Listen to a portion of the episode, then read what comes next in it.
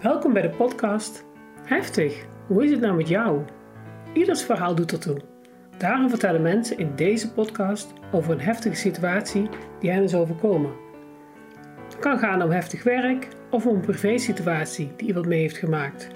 Ik hoop dat je door deze podcast meer inzicht krijgt in hoe een heftige, ofwel impactvolle gebeurtenis je denken, je doen en laten bepaalt.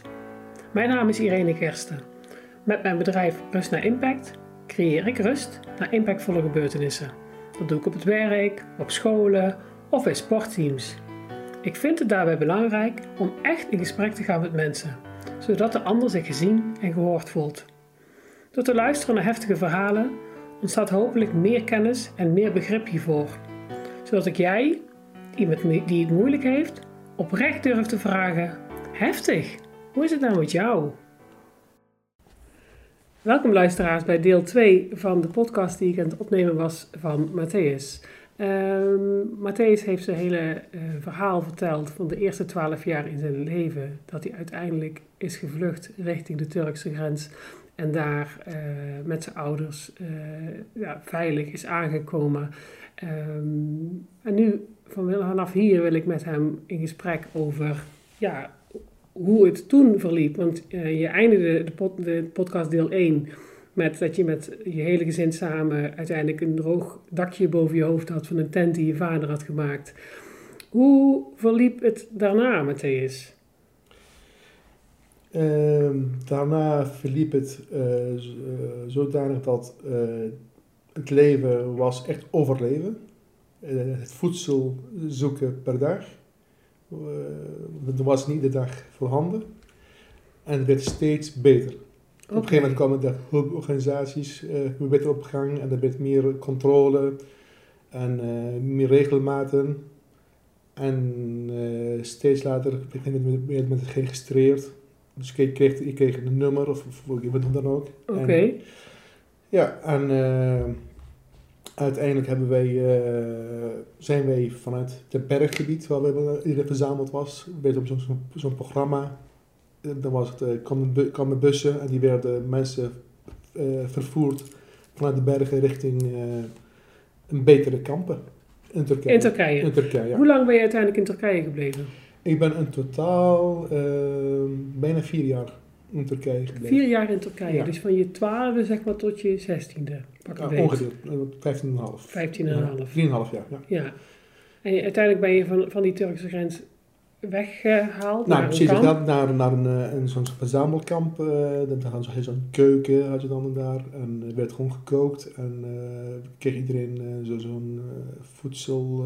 Uh, moest je in de rij staan voor, voor middageten of, of avondeten.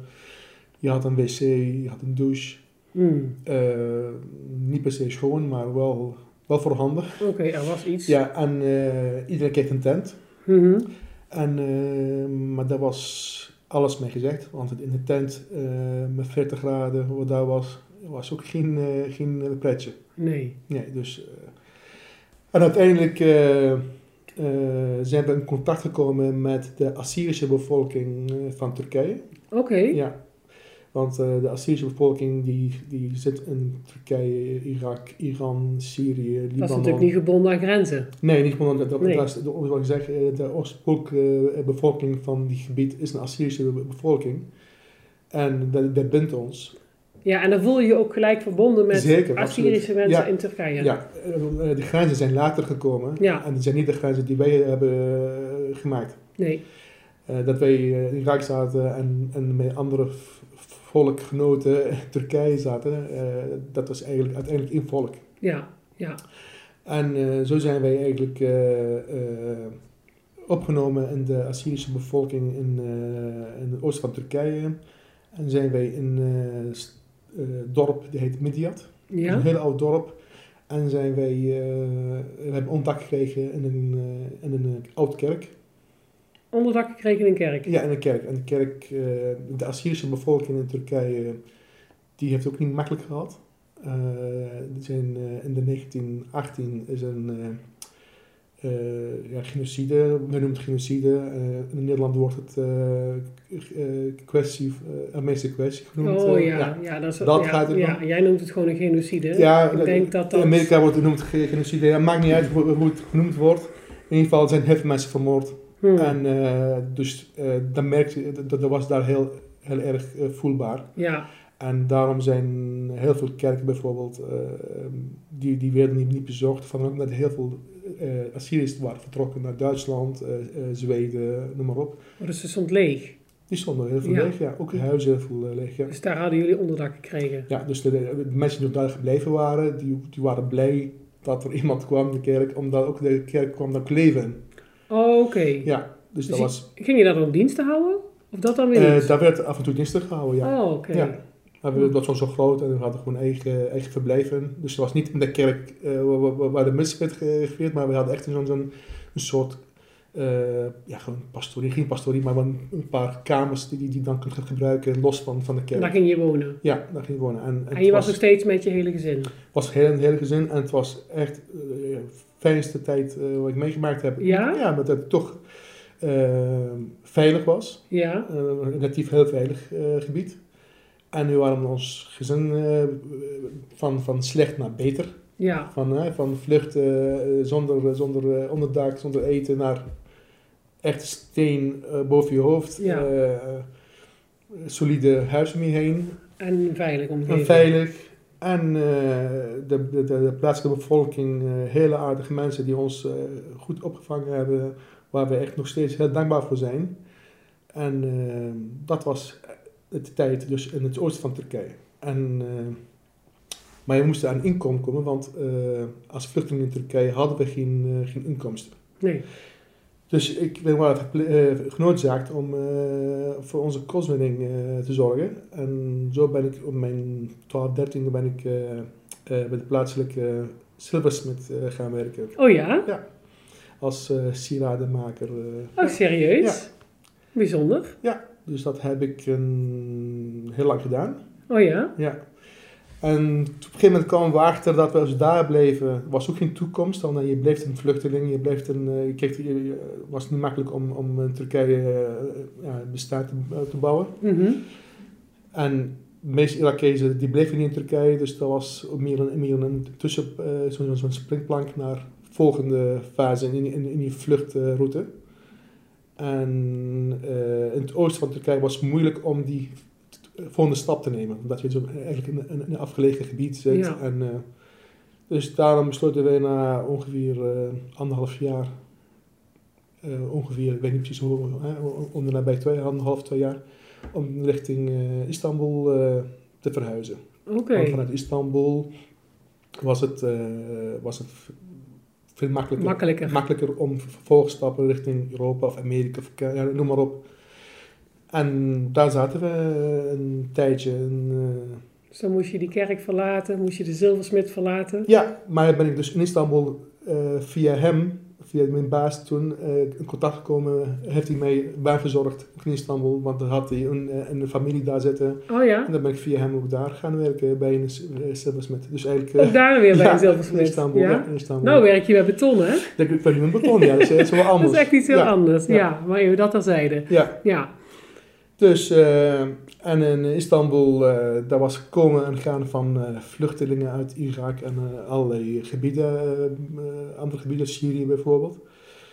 En dat was echt een, een, een soort mensensmokkelachtige tafereel wat er daar eigenlijk spe- zich afspelen. ja, zo kun je dat wel noemen, hè? Ja, en op een gegeven moment, dat was heel naar om te zien. Op een zondag, als je naar kerk ging in Turkije, dan zat je bijvoorbeeld eh, in een plein dat vol met eh Irakezen, Ja.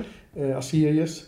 En dan werd verteld, waar ga je naartoe? En iedereen, wat, wat is je plan? En, en dan het ene zegt van, ik ga met de boot naar Griekenland. Mhm. Dat was de minst veilige keuze. Ja. Ja, en dan, eh, als je een week later eh, weer naar kerk ging en dan was ik gezin vertrokken. En dan kreeg ik te horen bijvoorbeeld, die zijn niet, niet gered hebben, bijvoorbeeld zijn verdronken. Oh. Of, of ja, zijn wel goed aangekomen, maar ze zijn wat teruggestuurd vanuit Griekenland. Je, je kreeg Ja. dat op de rechte Dat, weg dat, was, dat was onze, ja, Dat was, dat, was, dat was echt op zondag alleen, want, want de, de rest van de week ging ik werken. Ja, En zondag ging ik naar kerk. ja. En, zondag was, had ik, eh, was iedereen vrij, was weekend. Dus dan ging ik dan eh, te kijken hoe, hoe de situatie was. En dat, dat was onze, ons nieuws. eh, Ja. Ja. Het wekelijkse nieuws. Ja. En hoe lang ben je dan in Istanbul? ja, ook, eh, ongeveer anderhalf jaar. Ja. jaar, anderhalf jaar. Hoe had je het daar? Het was echt een tijdelijk verblijf, dat, dat wist ik gewoon. En, Mhm. en, en dat was geen permanent verblijf. Dus ik keek altijd met oog naar elders. Ja, Dus dat was voor mij, eh, ja, leven, maar ook niet echt, eh daar ben je gewoon niet jezelf. ja, ja, ja. Ja, dat kan ik me niet voorstellen. Kijk, als je gewoon normaal leeft, dan ben je bezig met je huis bouwen, met, met je huis mooi maken. Ja. Van, maar daar was je echt niet mee bezig. Was alleen bezig van, what's next? Ja. En je ouders, waren die dan ook bezig met hoe kunnen we hier wegkomen? Ja, Waar zeker. kunnen we naar een definitieve plek? Ja, maar dat was ook de reden dat we naar Istanbul zijn vertrokken. Ja. En uiteindelijk via via kom je dan eh, toch eh, eh, bij, een, bij een smokkelaar terecht. Ben je van afhankelijk, hè? Ben je afhankelijk, want dat, dat- het hele wereldje eigenlijk is zo gemaakt dat het mogelijk is. Ook vanuit, vanuit, vanuit, vanuit de, de, de officiële hoe heet, het? Eh, Instanties, instanties. Dus het mag natuurlijk niet. Nee. Alleen, het wordt wel mede mogelijk gemaakt. Ja, ja is dat zo, ja? Jazeker, 100%. Ja. Want eh, uiteindelijk, eh, kom, ik- ik weet nog dat mijn, eh, we waren met een gezin van vijf kinderen. En de, de kosten voor, voor, voor de vluchten was 4000 eh, di- dollar per persoon. Oeh. Ja, we hadden op zich wel genoeg geld. Alleen was het de dienaar, de munt, Iraakse munteenheid, was op een gegeven moment niks meer waard. Mhm. Dus ons eh, geld was eh nagenoeg niks, Niks betekent- waard. niks van van betekenis. Dus alleen het goud of wat dan ook, eh, dat, soort dingen, werden verkocht. En dat was, onze, was ons, ons eigenlijk geld om in te zetten voor, voor het vluchten. Mhm. En eh, dus de keuze was dat de vijf personen konden meegaan, vluchten. Qua hoeveelheid geld Ja, konden Ja, er vijf ja. mensen mee van de zeven. Precies. En eh, dan was het eh, eh, de keuze van ja, wie het wordt, was heel simpel. Want ja, vader of moeder begint bovenaan. Ja, moeder gaat mee, vader blijft. Oké. Kinderen, oudste zoon, mijn broer. als, als hij, want we, we hadden een tijdelijk verblijfvergunning in Turkije. Dus we Ja. konden ieder moment teruggestuurd worden naar Irak. En als je in Irak terugkomt, dan word je gezien als verrader omdat je eh, je bent gevlucht. Dus je bent niet officieel uit Irak vertrokken. Dus je bent echt een verrader. Je kunt in de gevangenis terugkomen. Of als je als mild zijn, dan komt, eh, kom je als eh, militaire dienst. Oké. Want hij was volwassen, leeftijd bereikt. Eh, nou, dus die, die moest dan eh, mee. Je oudste broer. Oostpool. Ja. De tweede was een, een, een zus van mij, dus een dochter. Ja, die laat geen dochter achter. Die moest mee. De derde was mijn eh, broer. Die eh, zou, eh, was bijna, bijna 18. Dus kwam hetzelfde schuitje als mijn oudste broer. Dus die zou ook meegaan. Ja. Dus bleef ik en mijn jongste broer achter, als laatste. ja, jongste broer heeft een beperking. Ja, beperking. Ja, laat niet zo, zo met beperking achter. nee. Want uh, ja, sterker nog, de keuze om naar Nederland te komen is mede mogelijk gemaakt door mijn broer. Oh ja? Want uh, die, de, de, smokkelaar die, die, die vroeg ons hoe is, hoe is de samenstelling van je gezin, zegt mijn vader. Ja, zo zo. Oh, je hebt een verstandig gehandicapte zoon. Is dat belangrijk? Ja, zeker belangrijk. Een goede zorg. Dan zou ik kiezen voor Nederland of, of Denemarken. Oh ja? Ja. Want Nederland en Denemarken stonden bekend als... Dat moment, hè? Ja, en... Uh, ja, dus uh, dan maar Nederland. Want ja, het is heel simpel. Nederland was warmer dan, dan uh, Denemarken. Ja? ja, dus Ja. uh, ja. Je hebt ook geen... Wat wist jij van Nederland? Niks. Ja, uh, Gullit. Rut Gullit? Ja, dat was je enige... Dat was het enige wat ik wist. Ja, ja. Uh, niet van klompen wist ik niet. Niet van molens, nee. helemaal niks. Nee. Alleen Rut Gullit. Ja. Ja, Dat was het enige wat ik wist. En Oranje, ja. Dus dan begrijp ik dat jij met je vader achterbleef. Dus af, ja, afgebleven, ja. Mm. ja. Dus jouw moeder vertrekt met de rest van het gezin en jij blijft met je vader. Ja, en die vertrokken van, met het vliegtuig. Daarom zeg ik, de officiële instanties hebben echt pappen... de hand. Mensensmokkelaars Ja. krijgen mensen in de vliegtuigen. Precies. Maar daar is zo goed werkt. Hmm. Dat is niet alleen maar daar, is heel veel landen zo, denk ik. Hmm. En ja, dus die komen uiteindelijk in Nederland terecht. En ik bleef aan mijn vader achter. En ik had toch wel een fijn gevoel bij. Ondanks dat ik niet bij was. Van oké, ik heb wel... Het gaat goed met mijn, met mijn broers, eh, zus en eh, moeder. Dat signaal kreeg je wel. Nee, het ma- maakt niet uit. Eh ze zijn naar Europa. En Europa was voor ons de maatstaf van, goed. van goed, goed leven. Ja, Ja. ja. En ik was, ondanks dat ik daar eigenlijk in Turkije zat, had ik gewoon toch wel een fijn gevoel. ja. Ja. Uit je werk. Nou, ik, ik ging gaan werken en je was, vader, had hij ook werk? Eh, mijn vader werkt af en toe bij, eh, eh, hij was veel, toen de tijd veel meer bezig met het zoeken naar hoe we kunnen vluchten. Ja, Dus daar was hij veel meer mee dat is bezig. zijn dagtaak. Ja, dat was de dagtaak, want Ja. wie, wie vertrouw je, welke, je moet echt contacten maken en het- je moet de, de goede mensen kunnen vinden. Dus dat was zijn taak eigenlijk om zijn gezin zien, zien te, te, te, bereiken. te- Ja, precies. En eh, uiteindelijk eh, kreeg ik bericht van mijn moeder dat ik eh, zo snel mogelijk naar de ambassade moest. Terwijl ze acht maanden in Nederland zaten en ik, en ik in Turkije. Dat onze visum was, was, was hoe heet het, verkregen. Wegens gezinsvereniging. Werd Oh ja? Ik wist niet wat dat betekende, je Dus- nee, ik gehoord? heb er nooit van gehoord. Eh, dus ik met mijn vader naartoe en eh, we waren heel blij.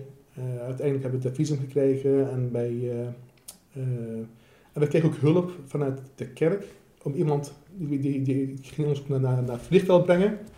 Alleen we, hadden niet, we wisten niet waarom dat was. Waarom komt iemand ons helpen? We kunnen ook zelf wel doen. Maar Dat kwam heel onverwacht. onverwacht een hulp bij. En we hadden niet, geen, geen idee waarom. En dan eh, eh, komen we in eh, het vliegveld en eh we hadden papieren bij, eh, visum. Uiteindelijk mompelt die eh, ambtenaar of die uh, noemt. Ja, Dat voor- was in Turkije? in Turkije, in? Istanbul. Ja, voor 1000 euro dollar toen de tijd. 1000 dollar meer mag je wel vertrekken. Maar we hebben toch de visum? Nou, 1000 dollar. Dat heb ik niet. Ja, dan, eh, sorry, dan kun je niet vertrekken. Dan moet je de, bij de eh vreemdelingenpolitie in Istanbul eh, papieren laten, laten onderstempelen dat jullie uit Turkije mogen. Want we hadden verblijfsvergunning. Nee, dat zijn de officiële instanties. Ja, precies. Dus eh, wij geen 1000 dollar, dus, of ik weet niet 1000, ik weet niet wat hij toen vroeg. Nou, de tweede dag, diezelfde man die ons kwam helpen, die heeft ons opgehaald naar eh, Istanbul. De, de, politie duurde een dag of, of twee dagen. Uiteindelijk een papiertje ge- gestempeld gekregen, weer vliegveld. Moesten we weer dat, precies het bedrag betalen nog steeds. Hoe kan het dan? Je hebt toch, je hebt gezegd eh, bij de vindingpolitie in Istanbul. Ja, dat klopt. Maar je hebt geen 1000 dollar. Nee. Nou, dan, dan moet je eigenlijk, waar je in Irak binnen bent gekomen, helemaal in het oosten, daar bij de, bij de eh, daar ook laten uitschrijven. En daar is dan 22 uur reizen met de bus. Dus ze laten jullie Ja. 22 uur reizen Dus mijn vader om een stempeltje te gaan halen. Ja, dus mijn vader weer naar, naar, oosten toe. En heeft hij eh, in Diyarbakir, volgens mij was het stad, de hoofdstad van, van de oosten. En eh, uiteindelijk duurde het drie dagen verder, vier dagen verder, weet ik niet meer precies op mijn hoofd. En uiteindelijk eh, toch naar Nederland gemogen. En toen had je een stempeltje. had een stempeltje en wij mochten naar Nederland. En toen bleek dat de gezinsvereniging was niet zomaar eh, gekomen. Dat kwam omdat mijn oudste broer eh eh wegens hersenbloeding was eh, eh, kwam te overlijden. Oh, Matthäus. Ja. Hmm, jeetje. En daarom kreeg je de gezinsvereniging. Ja. Oh, ja. Ik moet echt even... Ik kende dit verhaal natuurlijk al, want ik ken jou al langer. Maar goed, dus ik vind het zo'n heftig verhaal. En ik zie dat het jou ook raakt. En dat kan natuurlijk niet anders, het gaat over je oudste broer. Dus ik probeer even er wordt bedacht, er moet een gezinshereniging komen. En dan nog zitten mensen zo te sarren met die duizend. Ja, Of ik, dat ik bedrag? weet, ik weet niet of die mensen dat wisten hoor. Ik weet niet of dat... eh, Nee, misschien wisten- niet, nee, nee, maar nee. toch. Ik, ik heb geen Ik idee. vind het zo pijnlijk. Ja. En uiteindelijk kom je in Nederland en toen was je broer al overleden. En hij was alleen was aan het begraven. Dus... eh, Je hebt nooit afscheid van hem kunnen nemen. Nee, ik heb eh, eigenlijk eh, pas geleden afscheid genomen van mijn vader. En voor mij was het eigenlijk eh, het afscheid van allebei. Ja, dus in Nederland werd het eh, duidelijk eh, waarom de gezinshereniging eh, op gang kwam.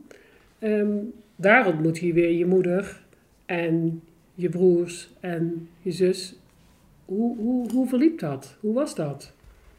Ja, ik denk een van de pijnlijkste momenten van de hele reis naar, naar Nederland zou zijn geweest, denk ik. Ja, Dan is het de, de honger of de, de kou wat we geleden hebben eigenlijk eh, niet te vergelijken. nee, nee. En vooral de wrang dat je dan al dat eh, ellende hebt eh, kunnen doorstaan. en- Doorstaan. En, en uiteindelijk door zo te eindigen. Ja, Dus ja, het, ja, eigenlijk een, het gevoel wat ik had om naar Nederland te komen, is daarmee eigenlijk ook een beetje gepest, verpest. verpest. verpest. Ja, ja. Ehm, Het dus was niet meer compleet. het was niet compleet en eigenlijk is ons gezin sindsdien ook nooit meer zoals het was. Maar dat is hè, een, een gezin waar één iemand niet meer is, Ja. is, nooit meer, is, is gewoon Nee. nooit meer compleet. Dus eh, de, de, de feestdagen die daarna volgden, of van dan ook, die zijn nooit zo, eh, voor mij dan, hè, Ja. zo eh, blij of intens blij of intens vrij in, in, in blijheid eh, Nee. te vieren. Het was altijd eh gedachte van er is iets mis, ja. je Ja. mist iemand of... eh dus een doorn in je, in je verdere leven. eigenlijk. ja. Ja, ongelooflijk wrang met alles wat je mee hebt gemaakt. Hm. Dat je, je broer, op het moment dat hij veilig is, dat dit gebeurt. Hm. Hoe lang had je hem niet gezien? Hoe lang had je je gezin? Acht maanden. Acht maanden. Ja. Ja. En waar, waar verbleven ze? Waar werden jullie Ehm, herenigd? En eh, ze, ze zijn eigenlijk eh, via vliegtuigen in Schiphol gekomen en uiteindelijk in, in verschillende eh, AZC's. En het laatste station was in uh, Zomeren, in een ROA-huis noemen ze dat. Zomeren? Zomeren. Ja? En eh, dat is, nu- ik heb het over 1994 en toen de tijd was eh, burgemeester Vos eh Zomeren en eh pastoor eh Tjeu Saas. Ja? Die ook bevriend was met, met mijn, mijn, eh, eh, ons gezin. Ja? Die, die had ervoor gezorgd samen met de vluchtelingenwerk, eh omdat eh, mijn visum van mijn vader, eh, Die zijn er achteraan die zijn gegaan aangegaan. Ja. om jullie naar Nederland te krijgen. En vooral om, om bij de begrafenis te zijn, wat uiteindelijk niet gelukt is, maar dat lag niet aan hun eh, nee, niet aan in- hun ja, inspanning. inspanning, absoluut niet. Dus je moeder kwam naar Nederland en heeft ook weer het contact gezocht met de kerk. Dat is voor ons heel belangrijk. Ja, In ons ja. leven is altijd de kerk een belangrijk factor geweest. eh, omdat er eigenlijk in Irak, wij zijn Assyriërs, maar we worden eh, genoemd als christen. Dus, Ja. Terwijl christen is geen identiteit, maar christen is een geloof. Ja, En, eh, en uiteindelijk is het ons, onze identiteit geworden. Eh, en daarom is voor ons ook kerk heel belangrijk waar we ook heen gaan. Ik ben ook, ook heel erg actief in de kerk, of nou een zomer was, of een, eh, of een Asten, of een Ommel, waar ik nu woon. ja. Ik ben altijd actief in, eh, in de kerk. ja, ik vind het mooi om van jou te horen dat door jouw hele leven heen die kerk ook altijd een veilige Ja, plek was. ja. En, en de mooie van kerk is, kerk is niet gekleurd, kerk is niet... eh, het is gewoon eh, voor iedereen die, dat, die zich verbonden voelt met het geloof wat je hebt, Ja, ben je één. Ben je Ja. broeders en zusters, zoals ze noemen in de Ja. kerk. Ja. ja dat is een hele mooie functie. Dus Geweldig. ja, Toen belandde je dus in Zomeren, dat klopt. kort na het overlijden van je broer. En hoe pikte je daar de draad van het leven op? Want school, je kon heel goed leren. Je rapporten waren heel belangrijk voor je. Nou, daar hebben we het over gehad. Die zijn verloren gegaan. Ben je hier nog naar school gegaan? Want Ehm, ik was bijna 16 toen ik in Nederland kwam. Eh, dus ik had eh, al vier jaar eh, achterstand, leerachterstand. ja, En in Nederland, eh, dan pak je weer de draad op en eh, dan eh, kreeg ik als eerst les Nederlands taal en T2. En dat is niet zo makkelijk, want Nederlands, Nee. Nederlands is echt heel mo- mo- Ja, Nederlands moeilijk. is zo Ik heb nog steeds niet onder de knie, dus dat kun je Nou. zo merken. En eh, eh, ja, heb ik dus gevolgd. Ik heb het versneld gevolgd, omdat ik gewoon vooruit wilde. En eh, op een gegeven moment had ik de, de, de certificaten binnen, luistertoetsen en, en eh, schrijftoetsen en dat soort dingen. En er was vervolg eh, stap ja, een studie gaan kiezen. Maar ja, ik had alleen maar basisschool gedaan in Irak. En, dus ik had geen, geen richting kunnen kiezen, geen, Nee. beroep wat dan ook. Dus de advies was om MAVO te gaan volgen. En ik heb ja, mee ingest- ingestemd. En, eh, alleen de, vraag was hoe lang dit ging duren. Vier jaar. eh, de vier- van vierjarige studie. Ik dacht, ja, nou, dat gaat het niet worden. Dan ben ik de rest 20 als Ja, ik klaar ben. En ik ja. heb nog niks. Ja, dat, was, ik kon toen tijd in Helmond eh bij het Raakcollege een, een versneld MAVO volgen. En dat was een volwassen MAVO of turbo MAVO genoemd. Ja, Ja, en, dat was binnen één jaar te halen. Dus heb ik gedaan en ik heb binnen een jaar gehaald. jeetje. Ja. Ja, heeft mensen zeggen dat het eh, knap is, maar dat heb ik meegekregen. Dat zit- heb ik niet. eh, ik werk natuurlijk werk ook voor. Alleen voor de ene gaat het makkelijker dan de ander. Ja, maar ik vind het onvoorstelbaar dat je dat in de Nederlandse taal voor elkaar hebt gekregen. Ja. Nogmaals, eh, het kan wel knap zijn, alleen ik heb dat meegekregen van, de, van, van, van nature, van, van Ja. ons, ons leven hier, zou ik zo zo zeggen. Ja, En, maar iemand anders die, die veel harder voor moet werken en die haalt het, dat vind ik nog knapper. Maar ik, Ja. heb, ik heb er niet, niet, niet zo hard voor moeten werken, eerlijk gezegd. ja, ik vind het ook mooi dat je het zo zegt. En je, je, je- ja, je kunt van nature ook heel goed leren. Ja. Je ouders zijn hele gedreven mensen. Ja, en nou, ik vind het Ja. gewoon toch heel knap. Ja, oké. Ja. maar goed, dus dat, eh, dat was, heb ik dus eh, eh, afgerond en eh, eh, de, de HAVO achteraan gedaan, eh, maar niet genoeg eh, eh, vakken. En uh, uiteindelijk toch een beroep gaan kiezen en toen heb ik een, eh, voor bouwkunde eh, gekozen. Ja, ja, Dus dan was ook een vierjarige studie waar ik dan bij, bij mezelf dacht van het had misschien binnen, ook binnen één of twee jaar gekund, maar je, doorloopt het en eh, ja, en zo je pikt het, jij pakt het, eh, de draad op. Ik heb eh, eh, toen uh, gauw genoeg mijn vrouw eh, leren kennen en eh, Christine en eh, ik was net 17, ik was 16 en we zijn nog steeds eh, Ja. gek op elkaar. ja, dus, ja. ja. mooi, mooi. Ja, ik vind het echt ja, een heel mooi verhaal, ook, eh, ook van kracht. En, en ook, ook, ik zit hier nou in je huis en ja, prachtig huis. En ja, dat is allemaal, dat is allemaal hè, relatief natuurlijk, maar Absoluut. ik vind het wel een heel, eh, een heel mooi verhaal, ja, wat ik al zeg, van kracht. Van jouw hele levenspad naar uiteindelijk eh, waar je nu staat. En ook hoe jij in het leven staat. En hoe die kerk nog steeds belangrijk voor je is. Hoe sociaal dat je bent. eh, ja, wij sporten met elkaar. eh, ja, super, super mooi. Ja. Open daarin. En ook ken jouw kinderen. Ja, dat is, dat is mooi. Praat je bijvoorbeeld met jouw kinderen? Want jouw kinderen zijn pubers. Praat je met jouw kinderen over Irak? Zijn ze erin geïnteresseerd? Zij zijn met vlagen geïnteresseerd. Eh, het is niet het interesse dat eh, constant is. Dat Mhm. kan ook niet. Eh, want ze hebben, we hebben ook een leven nu in Nederland. Snap en, ik ook. En, en is mijn, ze zijn wel af en toe geïnteresseerd in verhalen. Alleen ik merk wel, iedere keer als ik iets vertel, dan net of ik een, een Hollywood film aan het vertellen ben. Ja, dat voor hun is het echt van... ehm, niet, niet werkelijk is. Niet, niet kan zijn dat ik, dat ik hun vader dat meegemaakt heb. nee, nee. Eh, van ongelooflijke verhalen zijn het eigenlijk. Ja, maar dat komt omdat hun leven heel anders is gestart en doorgelopen dan, dan wat mijn leven als kind. Ja, Eh, en dat is dan... Dus wij zitten eigenlijk ver uit elkaar qua beleving. mhm, mhm. Eh, maar ik, wil- ik wil ze ook niet eh, alleen maar over de ellende of dat soort dingen vertellen. Want daar gaat het ook uiteindelijk niet om. Het gaat erom wat je van het leven maakt. ja, En eh, dat vind ik veel, veel belangrijker. ja.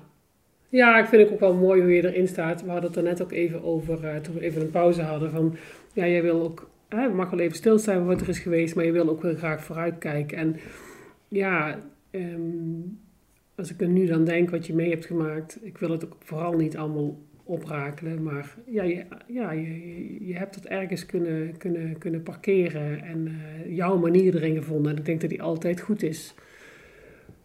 Maar gebeurt het ooit dat je ineens overvallen wordt door een bepaalde herinnering van vroeger? Of? Het zijn uh, vooral, uh, ja, als, nu met Oekraïne bijvoorbeeld gegaan is. Ja. Ik kan het heel intens voelen wat mensen daar mee, meemaken. Ja. Op het moment dat ik een foto zie van een vader die de hand van zijn zoon vast heeft, vasthoudt, die in de markt is, is komt te overlijden na een bombardement ja, ik begrijp het. Ik, ik voel het. Ja. Ik weet precies hoe hij voelt. Nou, misschien niet helemaal, want hij is een vader van, de, van het kind. Maar ik wil, bedoel, kom me heel bekend voor. Ja, ja. Uh, dat soort momenten, ja, dat, dat uh, raakt mij. Of, of als je dat vluchtelingen ziet en, en die bijvoorbeeld die, die, niet gered hebben door, door een boottocht, van dan ook. Ik, ik weet wat, wat het is. Ja. Ik heb zelf geen boottocht meegemaakt, maar ik weet wel die verhalen van mensen die die gezien hebben, ja. die het niet gered hebben, bijvoorbeeld. Ja. want die verhalen hoor je in Istanbul op de markt. Ja, in ja. de kerk was het. Uh, oh, was, in, in, in, de markt, in de markt en het plein van de kerk. Plein van de kerk. ja, ja. ja. Dus dat is, uh, dat soort momenten. Of we hebben uh, goed gelezen, mijn vader overleden. Ja, dan komen wel heel veel dingen naar boven. Op een gegeven moment wil ik dan over hem schrijven. Ja. Over zijn levensverhaal. Ja, dan komt het wel naar boven. Ja. Ja. Van, oh ja, zo zat het, oh ja, zo, zo werkt het, oh, zo was hij. Uh, ja. Dat heeft hij voor ons gedaan. Uh, dat heeft hij voor ons moeten opofferen. Mm. Samen met mijn moeder. Wat, uh, kijk, het klinkt allemaal heel simpel om te vertrekken. Maar je moet je even in, in, in, plaatsen dat je gewoon je baan, je huis, waar je voor gewerkt hebt, ja. alles maar achterlaat. Ja. En alleen maar voor een veilig haven voor je kinderen te gaan zorgen ja, dat is heel, heel heftig. Ja, nou voor mij klinkt het absoluut niet simpel. Want ik kan me er gewoon helemaal niks bij voorstellen dat Mhm. ik mijn fijne huis zou moeten verlaten. En dat Precies. zal voor iedereen gelden die dit, die, dit, die dit hoort.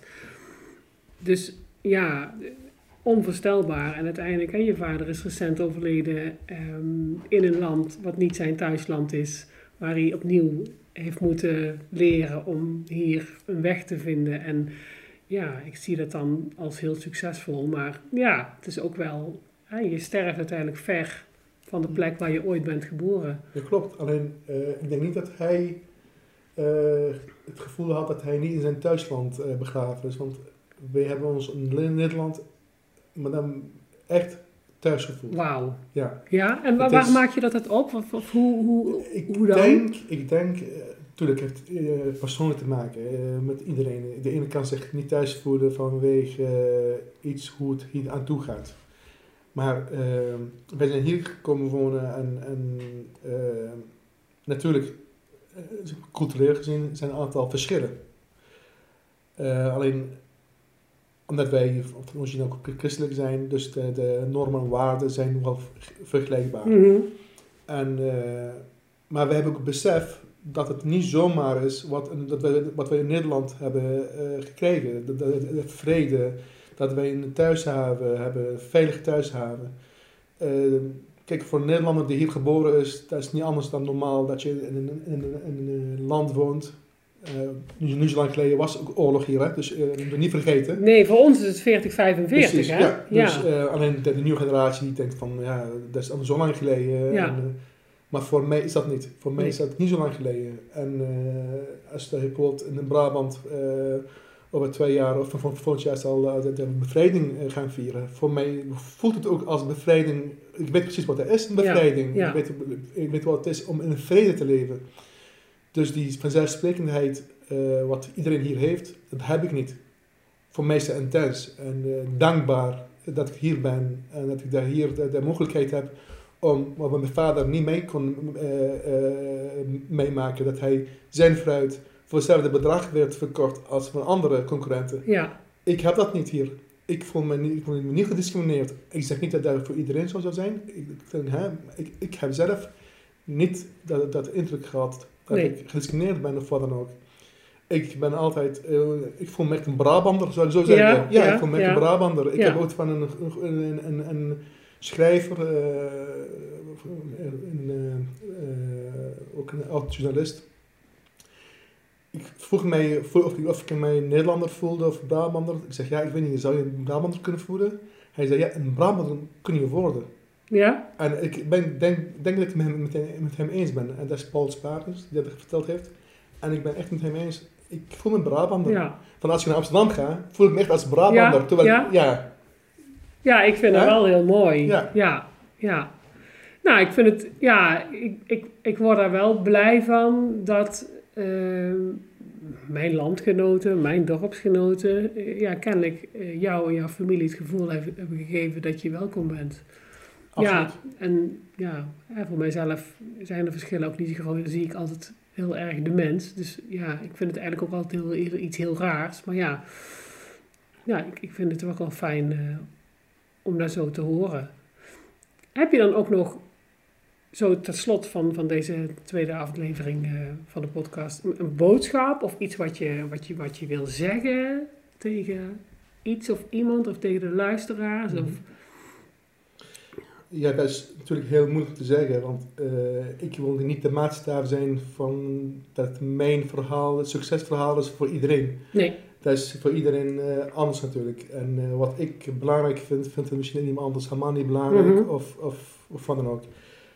Maar ik weet één ding zeker, dat ik de oorlog meegemaakt heb. De oorlog, het vluchten, al die ellende, vooral wil ik mag ellende noemen.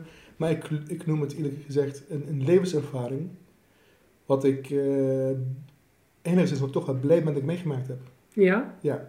En waarom? Dat maakt mijn leven toch wel intenser en meer waardevol hmm. dan eh, als je een leven zou leiden wat altijd goed gaat en niet besef hebt wat ik heb, dan mis je, mis je heel veel dingen. Mis je het genot waarom, waarom je überhaupt nog in vrede in Nederland nu leeft. Ehm, Zo'n zo'n initiatief bijvoorbeeld wat in Ommel eh, gaande is, het Park van Vrede. Ja, daar ben ik ook lid van de werkgroep. Omdat het niet alleen maar het park mooi wordt in Ja. Ommel, maar omdat gewoon vrede voor mij echt belangrijk is. Ja, En eh, de vrede kun je, het is een gevoel eh, die jij pas voelt als jij eerst geketend hebt gezeten. hmm. En, en die, die gevoel krijg jij nooit als jij in een land gewoond hebt waar altijd alles mogelijk is geweest. En alles, alles Ja. van leeg dakje gaat. ja. Nou, ik, ik vind dat wel heel mooi gezegd, Matthäus. En ik vind het ook eh, meteen ook heel mooi als, als afsluiter. Dat jij, ehm, hè, want ik zit hier in Ommel, daar woon jij, het Bedevaart eh, dorp. Waar ik eh, een paar weken terug de podcast heb opgenomen van, eh, van Martin Klaus. Die vertelt over een verschrikkelijk drama wat zich in 1944 heeft afgespeeld. Ja. Martin is zijdelings betrokken bij het Park van Vrede. Jij bent daarbij eh, betrokken.